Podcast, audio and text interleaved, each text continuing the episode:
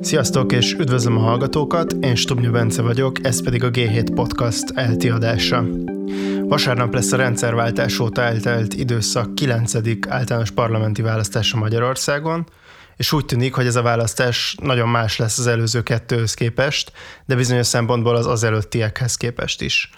Ez lesz ugyanis az első olyan választás, amin a választási rendszer 2010 utáni változásaihoz alkalmazkodva összefogva indulnak az ellenzéki pártok, ami szorosabb eredményt vetít előre annál, mint amilyennel a 2014-es vagy a 2018-as választások végződtek.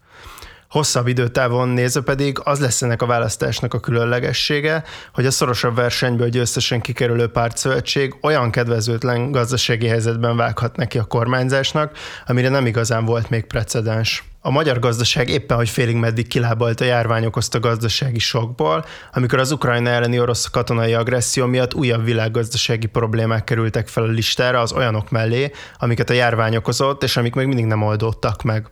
Az Oroszország elleni gazdasági szankciók, az ellátási láncok újabb problémái, az energiaárak elszállása miatt még bizonytalanabbá vált, hogy mikor enyhülhet az egész világgazdaságot érintő inflációs nyomás, miközben egyes elemzők szerint már a gazdasági növekedés jelentősebb lassulása is benne van a pakliban. Ehhez jön hozzá a magyar költségvetés helyzete, a kormány ugyanis a választások előtti egyszeri kifizetések miatt olyan hiányt hozott össze az év eddigi részében, hogy még a magyar gazdaságpolitika irányítói is nyíltan beszélnek arról, hogy valamiféle kiigazításra lesz szükség a választások után. Mindezt tovább bonyolítja az is, hogy a lakossági energiára vonatkozó árszabályozás miatt ezek az árak jóval alacsonyabbak a világpiaci áraknál, a különbözetet pedig a költségvetés állja, ami jelentős terheket jelent ebben a helyzetben. A G7 Podcast elti adásában azt járom körül, hogy pontosan milyen gazdasági helyzetben kezdhet kormányozni a választás győztese, és hogy ezzel összefüggésben mik lesznek a legnagyobb gazdaságpolitikai kihívásai. Először a makrogazdasági helyzetről, ennek nemzetközi, regionális és magyar kontextusáról lesz szó, majd arról, hogy az energiapiaci felfordulás milyen hatással lesz a kormány gazdaságpolitikai mozgásterére.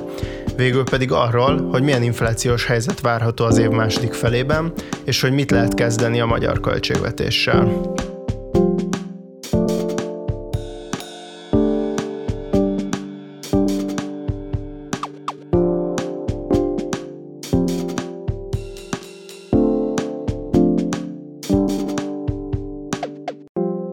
Bár a figyelmesebb hallgatóknak akár eszébe is jutatott, hogy túloztam, amikor azt mondtam, hogy egyedi helyzet lesz, ha az új kormány problémás gazdasági környezetben kezdi meg a kormányzást, hiszen például akkor sem volt jó a helyzet, amikor a Fidesz 2010-ben átvette a hatalmat, ez a helyzet mégis egyedi.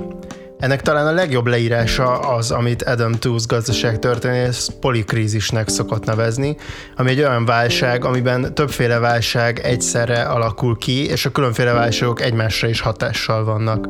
A válságtünetek egyik legfeltűnőbb jele most az infláció, amivel viszont mintha a gazdaságpolitika nem igazán tudna mit kezdeni.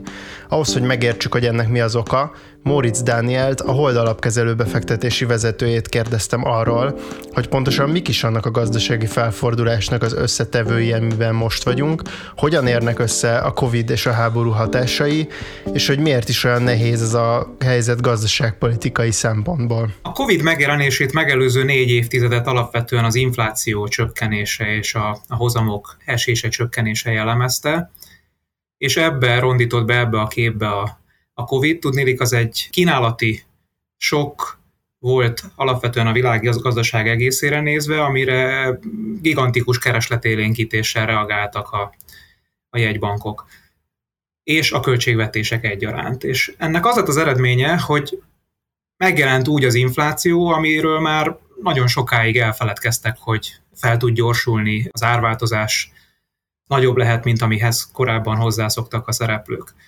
Na most mindaddig, amíg a vírus tombolt, tombolt a világban, és nem sikerült ezt kellően eh, lenyomni, addig nehéz volt látni, hogy mi lesz egy normalizálódás esetén erre a kínálati sokra érkezett eh, keresletélénkítésnek a hatása a világgazdaságban, de úgy tűnt, hogy a 2022-es év lesz az az időszak, amikor ez, ez el tud indulni, bár egyébként meg kell egyezni, hogy 2020-ban is már arra számítottak a gazdasági szereplők, hogy az infláció szép lassan mérséklődni fog, és a kínálati problémák oldódnak, és ez nem következett be 2021-ben sem. és most úgy tűnik, hogy a háború miatt ez, erre még tovább kell várni. Ugye ennek az a következménye, hogy azok a nagyon nyomott inflációs várakozások, amelyeket négy évtized alatt a gazdaságpolitikusoknak sikerült a mély, mélybe taszítaniuk, vagy eltüntetniük, ezek most egyre erőteljesebben kezdenek a gazdaság mind több szegletében megjelenni. Félő, hogy egyébként ennek az lesz a következménye, hogy hiába lassul vagy gyorsul a világgazdaság, ettől függetlenül az infláció tud emelkedni, mert az inflációs várakozások magasan maradnak. Na most ebben a helyzetbe érkezett a, a háború, ami gyakorlatilag elodázza a kínálati problémák oldódását, és egy nagyon komoly bizonytalanságot okoz a, a világgazdaságban. Fogyasztói bizalma, bizalmi indikátorokban is jól tetten érhető ez. A vállalatoknak a beruházási magatartása teljesen megváltozhat. Hasonlóképpen, mint ahogy a gazdaságpolitikusok egy teljesen idegen sokkot, a Covid-válságot próbálták kezelni. Most is nagyon hasonlóan nehéz helyzettel találják magukat szemben. Tudnélik, nincs erre nagyon jó példa és precedens, hogy hogyan lehet az ilyen helyzeteket kezelni, ezt a kínálati ársokkot, energiáremelkedést. Van azonban egy tekintetben nehezebb helyzetben várják ezt a, ezt a válságkezelést. Nyilván egyébként kellően rossznak gondoltuk a Covid-ot is, de a háború, ha lehet ezt mondani, még annál is sokkal rosszabb helyzetet terem. De a gazdaságpolitikusoknak sokkal nehezebb problémájuk van most már, mint akkor, mert akkor nem volt probléma az infláció. Most viszont ez gond, annyira gond, hogy igazából ez vált a fejlett világban, de leginkább az, az Egyesült Államokban és az angol száz országokban a legfontosabb politikai témává, kérdésé, aminek az a következménye, hogy nem teheti egyszerűen meg e, sem a jegybank, sem a költségvetési politika, hogy ne tegyen annak érdekében, hogy mérsékelje és hűtse az inflációs várakozásokat. Ez pedig egy nagyon nehéz helyzetet teremt, mert lehet, hogy a gazdaságnak élénkítésre lenne szüksége, de az inflációs helyzet miatt nincs erre lehetőség. A háború kitörése előtti hónapokban a magyar gazdasági sajtóban egyre többször lehetett az úgynevezett árbér spirál kialakulásának kockázatáról olvasni, aminek a feltételezések szerint az alapozott meg, hogy a járvány után helyreálló munkaerőpiacon újra megjelent a munkaerőhiány, ami jelentős bérköveteléseket és béremeléseket tett lehetővé. A makrogazdasági kockázat ebben az, hogyha a cégek ezeket a béremeléseket nem a hatékonyabb működésből következő nagyobb bevételeikből, hanem áremelésekből finanszírozzák, hiszen így egy öngerjesztő folyamat tud kialakulni, ami az infláció elszállásához vezet. Moritz Dánielt arról kérdeztem, hogy mik voltak az utóbbi időben a régió és Magyarország makrogazdasági sajátosságai, és hogy milyen gazdasági helyzetet örököl az új kormány. Bizonyos tekintetben Közép-Kelet-Európa és benne Magyarország egy kicsit megerőzte a ciklus tekintetében a világgazdaság többi részét. Tehát nálunk már jó pár éve e, megjelent a munkaerőhiány, egy kicsivel később elindultak a jelentős béremelkedések, és nálunk kezdett el megjelenni hamarabb az infláció, mint a világ nagy részében. Tehát ilyen tekintetben azt is lehet mondani, hogy Közép-Kelet-Európában Magyarország vezeti a ciklust, tulajdonképpen előre jelzi, hogy mi történik. Nyilván itt a, a gazdasági jelenségek evolúciója az úgy néz ki, hogy egy, egy kezdeti problémára adott mind magánszférabeli, mind költségvetési szférabeli válaszreakció az idővel késletetten fejt ki hatásokat a gazdaság különböző részeiben. Most azt lehet látni, hogy Közép-Kelet-Európában még, ha lehet ezt mondani, még jelentősebben vagy még erőteljesebben jelentkeznek azok a problémák, amelyek lehet, hogy a fejlett világban kicsit később fognak jelentkezni. Lassul a gazdaság, és, és nem biztos, hogy van lehetősége a gazdaságpolitikusok, sőt, gazdaságpolitikusoknak, sőt, inkább úgy néz ki, hogy nincs lehetőségük nagyon segíteni a gazdaságnak ebben a helyzetben. Nyilván más e tekintetben egy, egy fejlett ország, meg más egy fejlődő ország. A fejlődő ország jellemzően sokkal nagyobb gazdasági kilengéseket szokott mutatni, pont amiatt, mert amikor jól mennek a dolgok, akkor, akkor minden tekintetben jól mennek a dolgok, és a gazdaságpolitikának van e, tere stimulálni tovább a növekedést, lecsökkenteni a kamatokat, laza monetáris politikát folytatni, és a költségvetés is tudja segíteni a gazdaságot, amikor meg elromlanak a gazdasági folyamatok, akkor egyszerre kell minden területen behúzni a féket. Most is valami ilyesmit látunk. E, tulajdonképpen az egész közép-kelet-európára jellemző, de ebben mondjuk talán Magyarországnak még kitüntetettebb szerepe van. Talán itt volt a leglazább a monetáris politika az elmúlt a válságot megelőző, és itt beleértve a Covid válságot megelőző években is, és a Covid válság alatt is, és talán itt volt a leglazább a költségvetési politika. E, pont emiatt, különösen a választásokra közeledve most így ebben az első negyed évben, meg a 2021-es év vége felé. Na most ebben a helyzetben gyakorlatilag bárki is nyeri a választásokat, nagyon-nagyon nehéz helyzetben lesz. Minden, minden tekintetben lassulni fog a gazdaság növekedése. Az a kérdés, hogy ez magával hozza az inflációs várakozások és az infláció csökkenését. Az elmúlt pár évtizedben jellemzően ez így történt a világban, mert nem volt inflációs nyomás alapvetően, de most egy egész más helyzetben, helyzettel állunk szemben.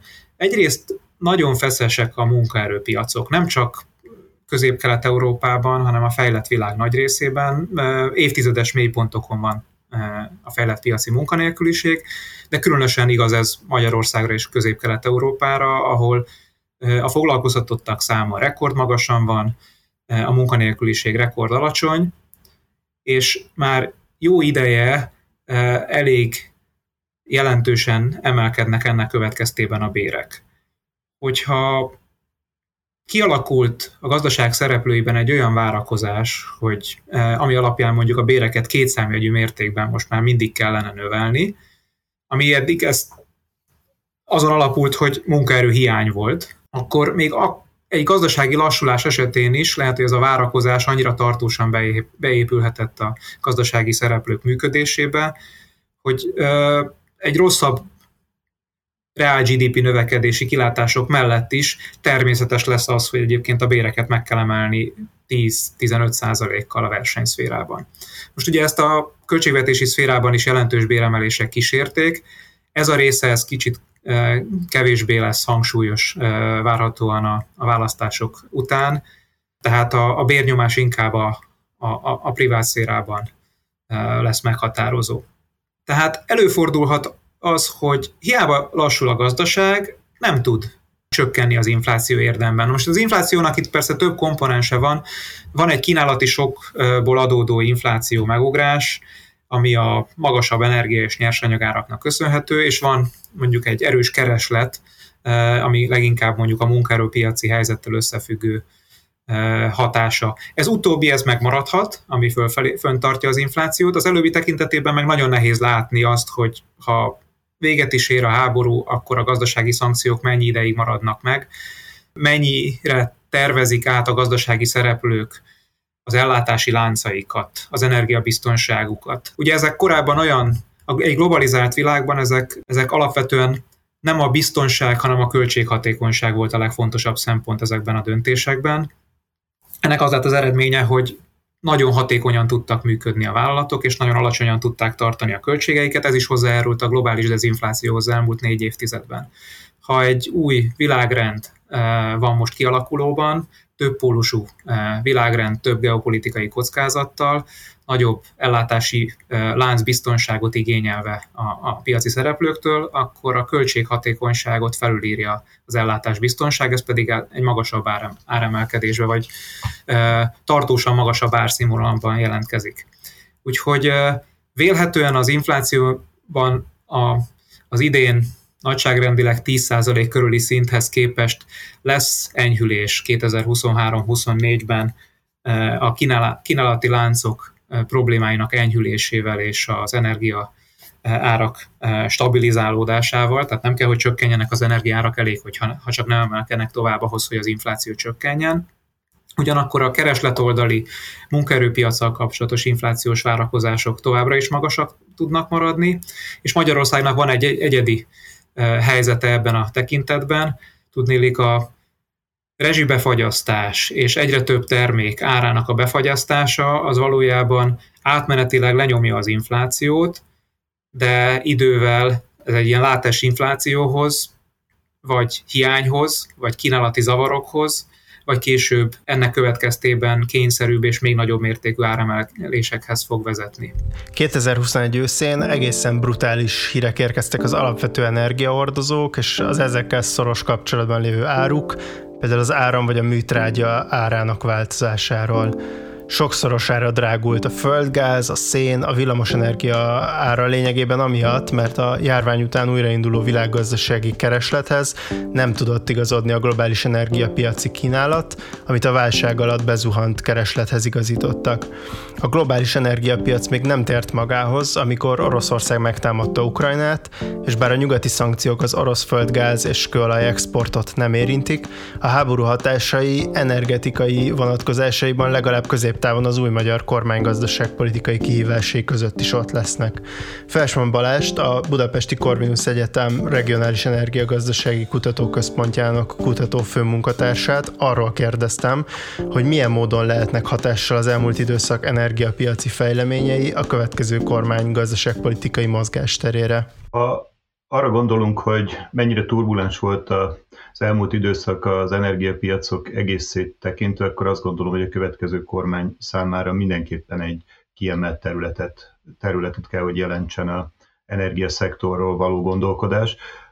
Ha visszaemlékszünk arra, hogy már a COVID milyen módon rajzolta újra az energia piaci, vagy akár azt mondhatnám szélesebb értelemben a gazdaságpolitikai mozgásteret, és erre jött rá ugye az elmúlt hónapokban az orosz-ukrán háború.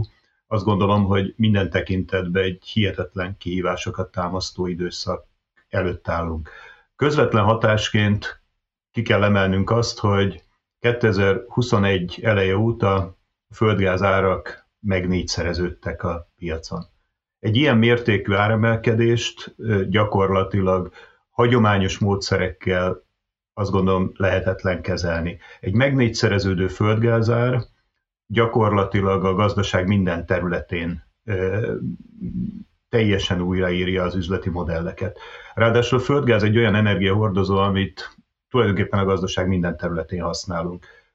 Ha kezdjük azzal, hogy Magyarországon a háztartások közel 80%-a földgázt használ fűtési célokra, és a teljes magyarországi gázfogyasztás majdnem 50%-a, nagyságrendek 3,5-4 milliárd köbméter gáz megy arra, hogy fűtünk vele, akkor láthatjuk, hogy önmagában ez a, ez a tényező már egy hihetetlen nagy kihívás, hiszen a gáz ár meg háromszorozódása, négyszereződése mellett borzasztóan nehéz ugye fenntartani ugyanazt a, a komfortot a háztartásokba. És a másik dolog az ipari használat.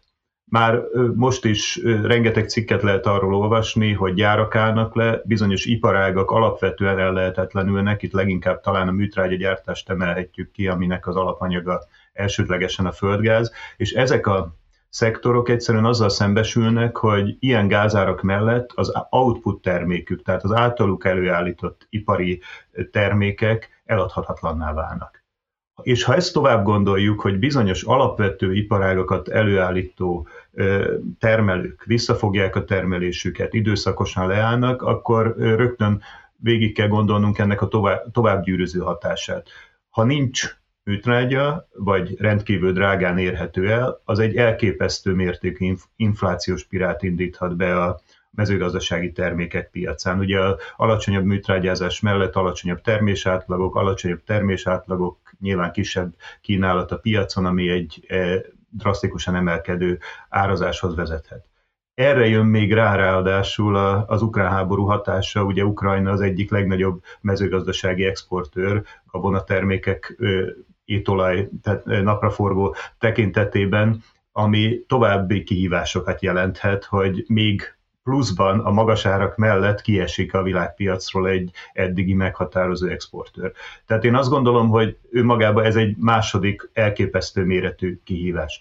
És azt mondtam, hogy gyakorlatilag a földgáz minden szektorban velünk van, ugye mondtam a lakosságot, mondtam a, az ipart, de azt se szabad elfelejtenünk, hogy ráadásul a villamosenergia előállításban is jelentős szerepe van a földgáz alapú erőműveknek. Tulajdonképpen ezek az erőművek jelentik a rendszernek a, a rugalmasságát, a flexibilitását, a kiegyensúlyozó képességét azokban az időszakokban, amikor nem áll kellő mennyiségű megújuló energia rendelkezésre. Ez is óriási kihívás alatt áll, ez a harmadik témakör, mert hogy a gáz drágulásával értelemszerűen felvetődik az a kérdés, hogy mennyire alkalmasak ezek a gázos erőművek erre a szerepre, amit egyébként szántak nekik. És akkor még a végére ezzel az energiaszektorbeli kihívásokkal, hogy még fokozzam egy kicsit a helyzet nehézségét, azt is érdemes megemlítenünk, hogy értelemszerűen megjelennek azok a geopolitikai feladatok, Európai Unió egészét tekintve, amelyeket egy mondatba úgy tudunk összefoglalni, hogy az orosz gázról történő leválás kérdésköre. Nincsenek olcsó megoldások. Az Európai Bizottság múlt heti javaslata arról szólt, hogy biztosítani kell, egyébként azt gondolom nagyon helyesen, hogy az európai földgáztárolókkal ne fordulhasson elő még egyszer az, ami 2021-ben előfordult, jelesül, hogy alultöltöttek voltak a tárolók, különösen egyébként azok a tárolók, amelyek a Gazprom tulajdonában voltak, és épp ezért a bizottság egy olyan javaslatot tett le az elmúlt héten, hogy kötelezni kell a a tárolásban résztvevő kereskedőket arra, hogy legalább 80%-ra töltsék fel a tárolókat. Na de ezt egy olyan helyzetben adjuk ezt a kötelezést, amikor a tavalyinak a négyszerese a gázár, vagy ötszöröse, tehát egy nagyon drága gázzal lesznek feltöltve várhatóan az európai tárolók, ami azt jelenti, hogy ez a drága gázár, ez velünk fog maradni legalább következő egy éven keresztül, tehát rövid távú árcsökkenés irányába mutató jeleket nagyon nehéz most nevesítenünk. Úgyhogy azt gondolom, hogy ez így együtt, amit elmondtam, ez mutatja, hogy egy, egy rendkívül komplex, és azt hiszem, hogy a gazdaság valamennyi területét, vagy az életünk minden területét érintő kihívással kell, hogy szembenézzen, akárki is fogja továbbvinni a magyarországi kormányzást. A gázár elszállásának közvetlen következménye, hogy a magyar költségvetésnek több száz milliárd forinttal kell kipótolni azt a veszteséget, ami abból következik, hogy a lakosság a világpiaci ár töredékét fizeti csak meg a rezsiben a hatósági áros díjszabás miatt. Felsman Balást ezért arról kérdeztem, hogy szerinte költségvetési szempontból mennyire lesz fenntartható ez az intézkedés a jelenlegi világpiaci árak mellett, és hogy milyen más módon lehetnek hatással a magas energiaárak a költségvetésre. A költségvetési szempontból nézzük, akkor azt gondolom, hogy a következő kormány legnagyobb kihívása az mindenképpen a hatósági energiárendszer fenntarthatóságának a kérdésköre lesz. Ez a rendszer, ez mostanára egyértelműen megmutatkozik, hogy ilyen árak mellett, ilyen ár különbségek mellett rendkívül nehezen fenntartható. Ugyanakkor azt is gondolom, hogy nem működőképes az sem, hogy egyik napról a másikra valaki mondjuk meg háromszorozza a lakosság által fizetendő ö, energiadíjakat. Ennek egyszerűen olyan mértékű szociális robbanás lehet az eredménye, ami miatt nincsen egyszerű megoldás. Egyértelmű, hogy szűkíteni kell a hatósági áras elérhetőség körét, de valószínűleg itt bárki is ö, folytatja a kormányzást, mindenképpen egy fokozatos átmenetbe kell gondolkozni. Sok elképzelés volt abban a tekintetben, hogyan lehetne egy kicsit célzottabbá tenni a mostani hatósági áras, hívjuk nyugodtan itt támogatási áras modellt. Fölvetődött az a gondolat, hogy, hogy szociálisan indokolt esetekben szükséges adni ezt a fajta támogatott árat. Fölvetődött valamilyen mennyiségi kvótához való kapcsolás, tehát hogy csak bizonyos fogyasztási értékhatárig járjon egy kedvezményes ár.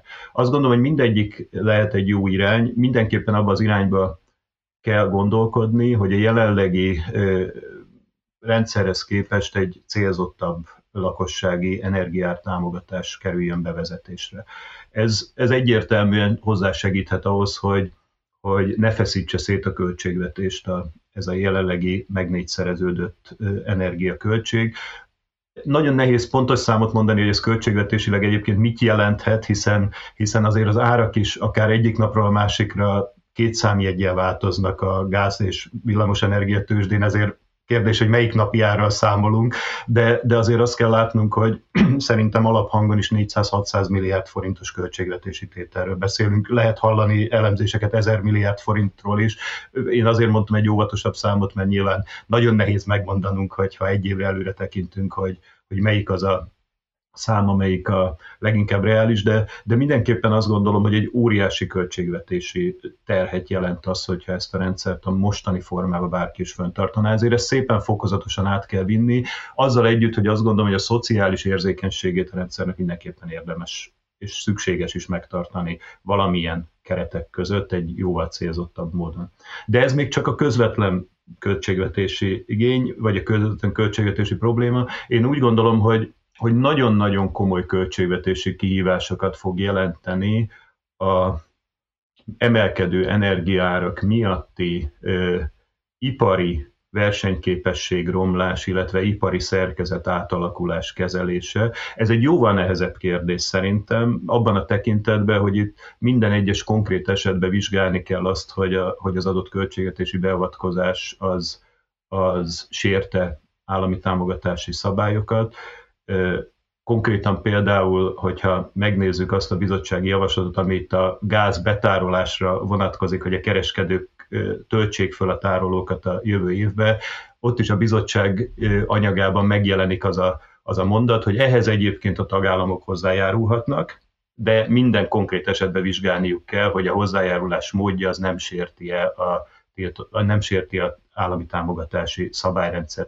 Nagyon nagy kihívás, mert itt egész iparágakról van szó, és egész iparágak jövőjéről azt gondolom, hogy ez a, ez a második, és ugye itt a legnagyobb kérdés az az, hogy egyáltalán mennyi mozgástere marad a költségvetésnek a tűzoltáson túl ilyen célokra, tehát mennyire tud éven belüli probléma megoldáson túlmenően mondjuk több éves stratégiai programokat finanszírozni a költségvetés. Nyilván ez összefügg azzal is, hogy sikerül-e megállapodásra jutni a, az RRF-fel, tehát a, a, ugye elvileg a, a járvány miatti e, gazdasági újraépítéshez szánt célzott Európai Uniós forrásokkal e, kapcsolatban. Nyilván ez egy nagyon komoly pénzügyi lökést adhat arra, hogy ilyen programok végigvihetőek legyenek, és ha már az energiaszektor, akkor ne felejtsük el, hogy az RRF-ben kiemelt célfüggvény ugye a gazdaság zöldítésének a programja. Tehát ez egy nagyon fontos irány, és nyilván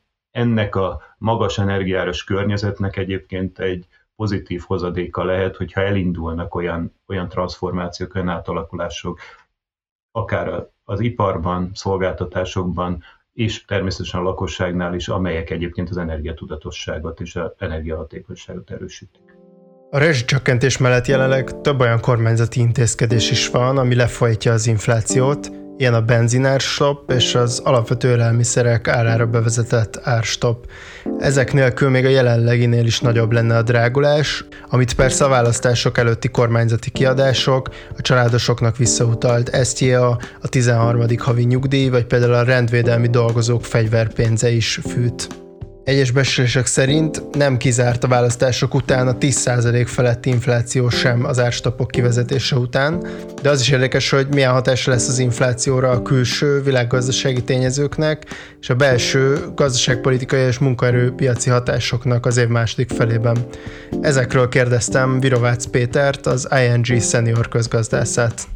Talán a legérdekesebb pontja a jegybank friss inflációs jelentésének maga az inflációs előrejelzés, ami 2022-re vonatkozóan egy rendkívül széles sávot adott meg, 7,5, illetve 9,8% közé, teszi valahova a várható inflációt, és ez egy rendkívül széles sáv, és nagyon szokatlan egy ilyen előrejelzést látni, de hát fontos tudnunk, hogy tényleg valóban ilyen komoly bizonytalanság övezi jelen pillanatban a teljes makrogazdasági környezetet. Nem tudhatjuk ugyanis, hogy pár napon belül véget ére az ukrán háború, vagy esetleg további eszkalációra számíthatunk, és hát nyilván ez rendkívüli módon befolyásolja az inflációs folyamatokat, hiszen azért a globális nyersanyagárak alakulását, vagy éppen a kínálati feldolgozó ipari termelési problémákat és az ebből fakadó inflációs kockázatokat ez szintén befolyásolja. Úgyhogy valóban azt mondhatjuk, hogyha hirtelen kitörne a békést talán egy nagyon gyors helyreállást látnánk a nyersanyag piacokon, itt az áralakulás tekintetében, akkor valóban elképzelhető lehet egy 7,5 százalék körüli infláció is, viszont nyilván rosszabb esetben azért ez a vágtató infláció közeli állapot, két szemjegyű infláció közeli állapot is elérhető lehet az év átlagában. Azért ez tényleg meglehetősen ritka eseménynek számít, még magyar gazdasági viszonylatban is, főleg az elmúlt 10-20 évben. Na már most, hogyha megnézzük, hogy alapvetően hogy áll egyébként maga az elemzői közösség ehhez az előrejelzéshez, azt hogy mondjam, hogy abszolút egyetértés van a jegybanki előrejelzésekkel. Jó magam is 9,1%-os inflációt jósolok az idei év folyamán átlagban, úgyhogy abszolút benne vagyok én is ebben az előrejelzési sávban. Ugyanakkor, ahogy említettem, nagyon sok a bizonytalansági tényező, és ebből talán az egyik, ha nem a legfontosabb, maga a különböző gazdaságpolitikai intézkedések sorozata, és itt elsősorban az árstopra kell, hogy gondoljak, illetve ezek közül három intézkedésre. Az egyik maga a rezsicsökkentés, ami 2012 vége óta van velünk, tehát ez nem egy újdonság, viszont bejött a képbe két új intézkedés, az egyik az üzemanyag árát befolyásolja, illetve hát gyakorlatilag maximalizálja, és van egy alapvető élelmiszer árakra vonatkozó szabályozás is. Alapvetően ezek május 1 és május közepével kivezetésre kerülnek, legalábbis a jelenlegi szabályozás alapján, és hát nyilván ezt kell figyelembe vennünk, amikor az előrejelzéseinket megtesszük, viszont ami bizonytalan ebben, az az, hogy nem tudjuk, hogy amikor esetleg egyik napról a másikra elengedésre kerül ez a maximalizált ár, akkor hogy fog kinézni a globális piac, mi történik az olajjal, hogy áll majd a forint árfolyama, tehát nagyon nehéz előre bekalibrálni azt, hogy végül is ez az elengedés, ez milyen mértékű inflációs sokkot generál.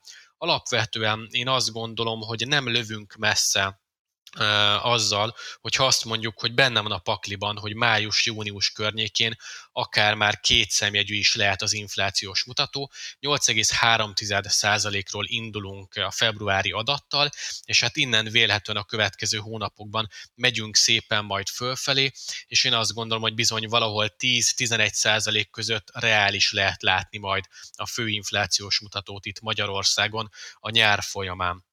Viszont az mindenképpen egy nagyon fontos kérdés, hogy igazándiból abban a pillanatban, hogyha mondjuk megszűnnek ezek a külső sokok, akkor milyen gyors visszaigazodást láthatunk az inflációban. Várhatjuk-e azt, hogy egy nagyon gyors visszarendeződés lesz? Nos, a jegybanki előrejelzés, illetve az én előrejelzésem is azzal számol, hogy ez a visszarendeződés, ez bizony nem lesz gyors. Sokkal inkább egy lassú lefolyású, inkább egy, egy fokozott mérséklődést látunk majd az inflációs folyamatokban, amivel hát év végére is valahol még mindig olyan 7,5-8 százalék körüli inflációval számolhatunk, hiszen hiába szűnnek meg mondjuk itt a különböző egyedi sokhatások, azért én mindig azzal számolok, hogy van egy nagyon erőteljes belső árnyomás is a magyar gazdaságban. És ezen nagyon-nagyon sokat vitatkozik mostanában az elemzői közösség, hogy vajon hány százaléka jön ennek a mostani inflációnak belső és külső tényezőkből. Én azért azt mondom, és nem akarok nagyon és mondjam, belemenni a számháborúba, inkább azt mondanám, hogy egyre nagyobb és nagyobb arányban kell feltételeznünk azt, hogy bizony most már a belső tényezők is igen komolyan hozzájárulnak az inflációs folyamatokhoz, magasak az inflációs várakozások, nagyon erős az ár meghatározó szerepe e, itt a, a hazai vállalatoknak, és hát innentől kezdve bizony azt kell, hogy mondjuk, hogy bármi is történik a külső, e, külső inflációs nyomással, ezért van egy erre folyamatosan reépülő belső infláció, és hát pont ezért gondolom azt, hogy a 2022-es év után azért 2023 sem lesz egyszerű ebben a tekintetben, még mindig a 3%-os inflációs cél feletti eh, mutatóval számolok én is, és egyébként a jegybank is 2023-ra. Szóval valóban a legnagyobb kihívás jelen pillanatban a gazdaságpolitika előtt az az, hogy hogyan lehet ezeket a külső és belső inflációs folyamatokat kordában tartani, mindezt úgy, hogy valóban jelen pillanatban nem tudjuk, hogy meddig tartanak ezek a külső sok hatások, meddig tartanak ezek a kínálati sokkok, amelyek akár az energiaárak, akár mondjuk az iparcikkek oldaláról illetve természetesen a mezőgazdaság oldaláról érik az inflációs folyamatokat, és hát lényegében tényleg vakon kell előre menni és próbálni belülni azt, hogy hol lehet majd az infláció egy-másfél év múlva, és ennek megfelelően kell már most meghozni a fontos gazdaságpolitikai döntéseket. Az eddigiek alapján látjuk már, hogy mennyire bonyolult helyzetet örököl majd gazdaságpolitikai szempontból az új kormány, ezek után pedig már csak az a kérdés, hogy vajon milyen költségvetési opciói lesznek egy ilyen helyzetben. Nemrég maga Varga Mihály pénzügyminiszter nyilatkozta, hogy a választások után át kell majd írni a költségvetési terveket, de az egyelőre nem egyértelmű, hogy ez pontosan mit jelent, ahogy az sem egyértelmű, hogy az ellenzéki pártok mit kezdenének ezzel a helyzettel, hogyha ők nyernének. Virovácz Pétert ezért arról kérdeztem, hogy szerinte hogy néz ki ez a költségvetési helyzet, és milyen lépések elképzelhetőek a választások után. Habár napjainkban folyamatosan az infláció van porondon, mint talán a legfőbb ellenség, azonban szerintem az új kormányzat számára lesz még egy nagyon-nagyon fontos kihívás, és ez a költségvetési helyzet. Hiszen valóban teljesen átíródott már a 2022-es gazdasági környezet ahhoz képest, mint amit gyakorlatilag elképzelt a költségvetés összerakásakor a kormányzat korábban. És itt nem csak arról van szó, hogy az infláció magasabb, de bizony maga a gazdasági növekedés is teljesen máshogy alakul, nem beszélve a különböző gazdaságpolitikai intézkedéseknek a költségéről, legyen szó akar a rezsicsökkentésről, az árstoppokról, illetve nyilván azért itt vannak folyamatosan emelkedő kiadások is, akár a kamatkiadások tekintetében, vagy hát nyilván a monetáris politika is egyre költségesebbé válik, hiszen veszteséget generál a kamat emelési folyamat folyamattal a Magyar Nemzeti Bank, és bizony ezt a veszteséget hát előbb-utóbb ki kell fizetnie a költségvetésnek. Ez sokkal inkább majd 2023-at érinti, mint 2022-t, de azért nyilván a leendő kormányzatnak már bizony erről is folytatnia kell beszélgetéseket, hogy hogyan lehet ezeket a több száz milliárdos tételeket egyébként pótolni. És én jelen pillanatban azt gondolom, hogy két út állhat majd az új kormányzat előtt. Az egyik megoldás az azt jelenteni, hogy hogy átírják a költségvetést, elfogadják az új realitást, és lényegében a költségvetési politika a korábbinál magasabb államadóságrátával és magasabb hiányjal számol. Ez nyilván a legkézenfekvőbb, legegyszerűbb megoldásnak tűnik, ám ennek is van egy igen kézzelfogható és talán hosszú távon is problémás veszélye, vagy inkább azt mondom velejárója.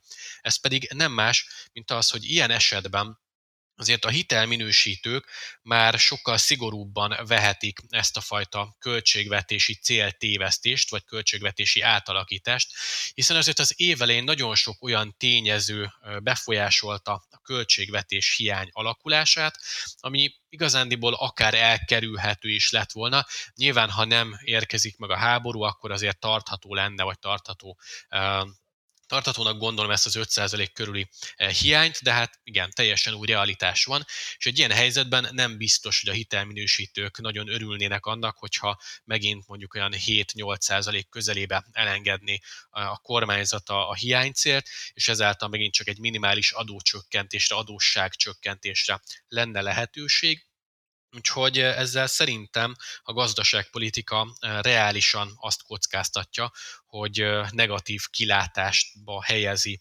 az adós besorolást, az adós osztályzatunkat, tehát nem leminősítés, de egy negatív kilátás már azért ott lenne, és ez nyilván hát tovább emeli a kockázatkerülést, tovább emeli az adósság finanszírozás költségét a magasabb hozamkörnyezettel. Ez tehát az egyik megoldás. A másik megoldás pedig az lenne, hogy egész egyszerűen nincs mese, ki kell igazítani a költségvetést, tartva az eredeti hiánycélt, tartva az eredeti államadóság ráta célt, és hát ehhez megfelelően kell bizony hozzáigazítani majd itt a különböző kiadási tételeket, és hát talán itt a legegyszerűbb és legkézenfekvőbb megoldás az lenne, hogy néhány kiadási tételt, elsősorban beruházásokat lehetne visszavágni, azonban nem biztos, hogy mindez elegendő lenne. Arról nem is beszélve, hogy a rezsicsökkentésnek is óriási költségei vannak, és hát innentől kezdve azért már egy igen érzékeny témát érintene a gazdaságpolitika, tehát nagyon nem mindegy, hogy mely rétegektől próbálunk meg elvenni, és, és próbáljuk meg kiigazítani úgy a költségvetést. Egyébként erre is van példa a régiónkban. Ugye azt láthatjuk, hogy néhány ország igazándiból próbál úszni az árral, és, és próbál valahogy alkalmazkodni ehhez az új inflációs és gazdasági környezethez, de például a cseheknél egy teljesen más megoldást alkalmaztak, ők azt mondták, hogy látják az inflációs nyomást, érzékelik, hogy ez bizony részben belső folyamatokból fakad, és ők nagyon durván visszavágták a költségvetési kiadásokat, és azt mondták, hogy bizony-bizony nincs mese, gazdasági lassulás ide vagy oda, vissza kell fogni a költségvetési kiadásokat, és ezáltal lehet az inflációt mérsékelni. Vagyis itt bejön a képbe egy másik út, eh, hogyha mondjuk a, a csökkentést, az államadóság csökkentést, vagy a költségvetés ilyen csökkentését nézzük, hiszen valóban itt eh, megint csak egy, egy nagyon hosszantartó vitába szaladunk bele, hogy hogyan kell kezelni mondjuk egy ilyen inflációs nyomás és gazdasági lassulás kérdéskörét. Direkt nem használom a stagfláció szót, mert azért szerintem ettől még a magyar gazdaság messze van, de hogy, de hogy egy ilyen rendkívül kényes egyensúlyban mit lehet tenni, vagy egy ilyen kényes helyzetben.